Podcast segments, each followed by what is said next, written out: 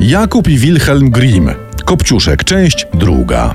A co było w poprzednim odcinku? Kopciuszek pracuje dla macochy i sióstr przyrodnich, zasuwając jak młode korpo na śmieciówce. Siostry jadą na bal do księcia, ale nie chcą wziąć Kopciuszka. Kopciuszek w płacz, ale przychodzi baba dziwo.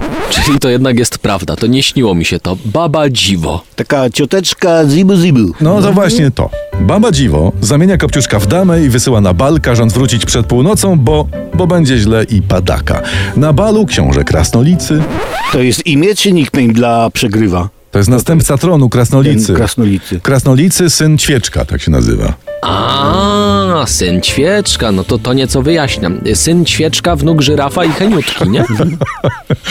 Krasnolicy wybierał sobie żonę spośród najpowabniejszych panien królestwa na tym balu. Alarm, alarm, przedmiotowe traktowanie kobiet. Ale to jest bajka, to są dawne czasy, to czas samczego ucisku, a, ale to dawno było. Ale dawno, tak, tak, tak. I jak książę sobie wybierał, to piękna nieznajoma wkroczyła na salę balową i od razu powszechną zwróciła na siebie uwagę. Krasnolicy, patrząc bladł i rumienił się na przemian, tak wielce był wzruszony. A to Kopciuszek! Poważnie? Sam na to wpadłeś, czy czytałeś wcześniej i znasz? To i to. I wiem, że Krasnolicy uderzył do Kopciuszka. Ale chyba jej się nie przedstawił, nie, nie wiem, no jak. Cześć, jestem Krasnolicy, to trochę tak jak powiedzieć, ja nie wiem, no. Eloszka, mój tata ma dwie krowy, a twój? K- Krasnolicy rozkochał się w Kopciuszku w mgnieniu oka. Młodzi nie rozstawali się ani na chwilę. Nagle Ruzia spojrzała na zegar. Do północy brakowało zaledwie pięciu minut. Wybiegła, nie czekając z sali. E, przepraszam, Ruzia to, e, to kto to jest? Sorensik, Sorensik, żeś tak pytał. No Kopciuszek ma tak na imię. Właśnie, Ruzia. Ruzia biegnąc straciła pantofelek. Ale udało się, dopadła powozu i dojechała do domu, nim zmieniła się y, w samą siebie.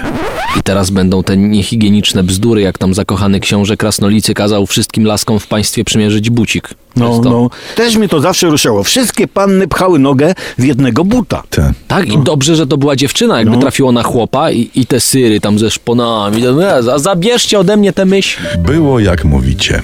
Po kraju jeździł goniec królewski i kazał każdej pannie przymierzyć pantofelek, a na koniec trafił do domu złej macochy. Słuchajcie, bo to najpierw trzeba nogę włożyć w reklamówkę i dopiero potem przymierzać. Też tak myślę, taka siatka z biedry. To, to jest ciekawy ekwiwalent skarpety. Mm.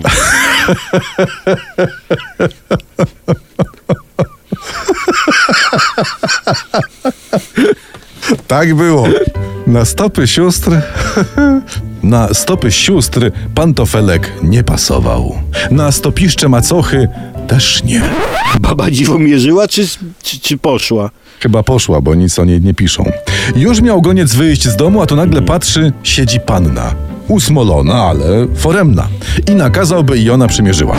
I pasował. To się rozepchał, to pasował. E, pasował, pasował, to był magiczny pantofelek. I Kopciuszka wsadzono do karocy i pojechał Kopciuszek na zamek, a tam zakochany krasnolicy się oświadczył, zostali mężem i żoną.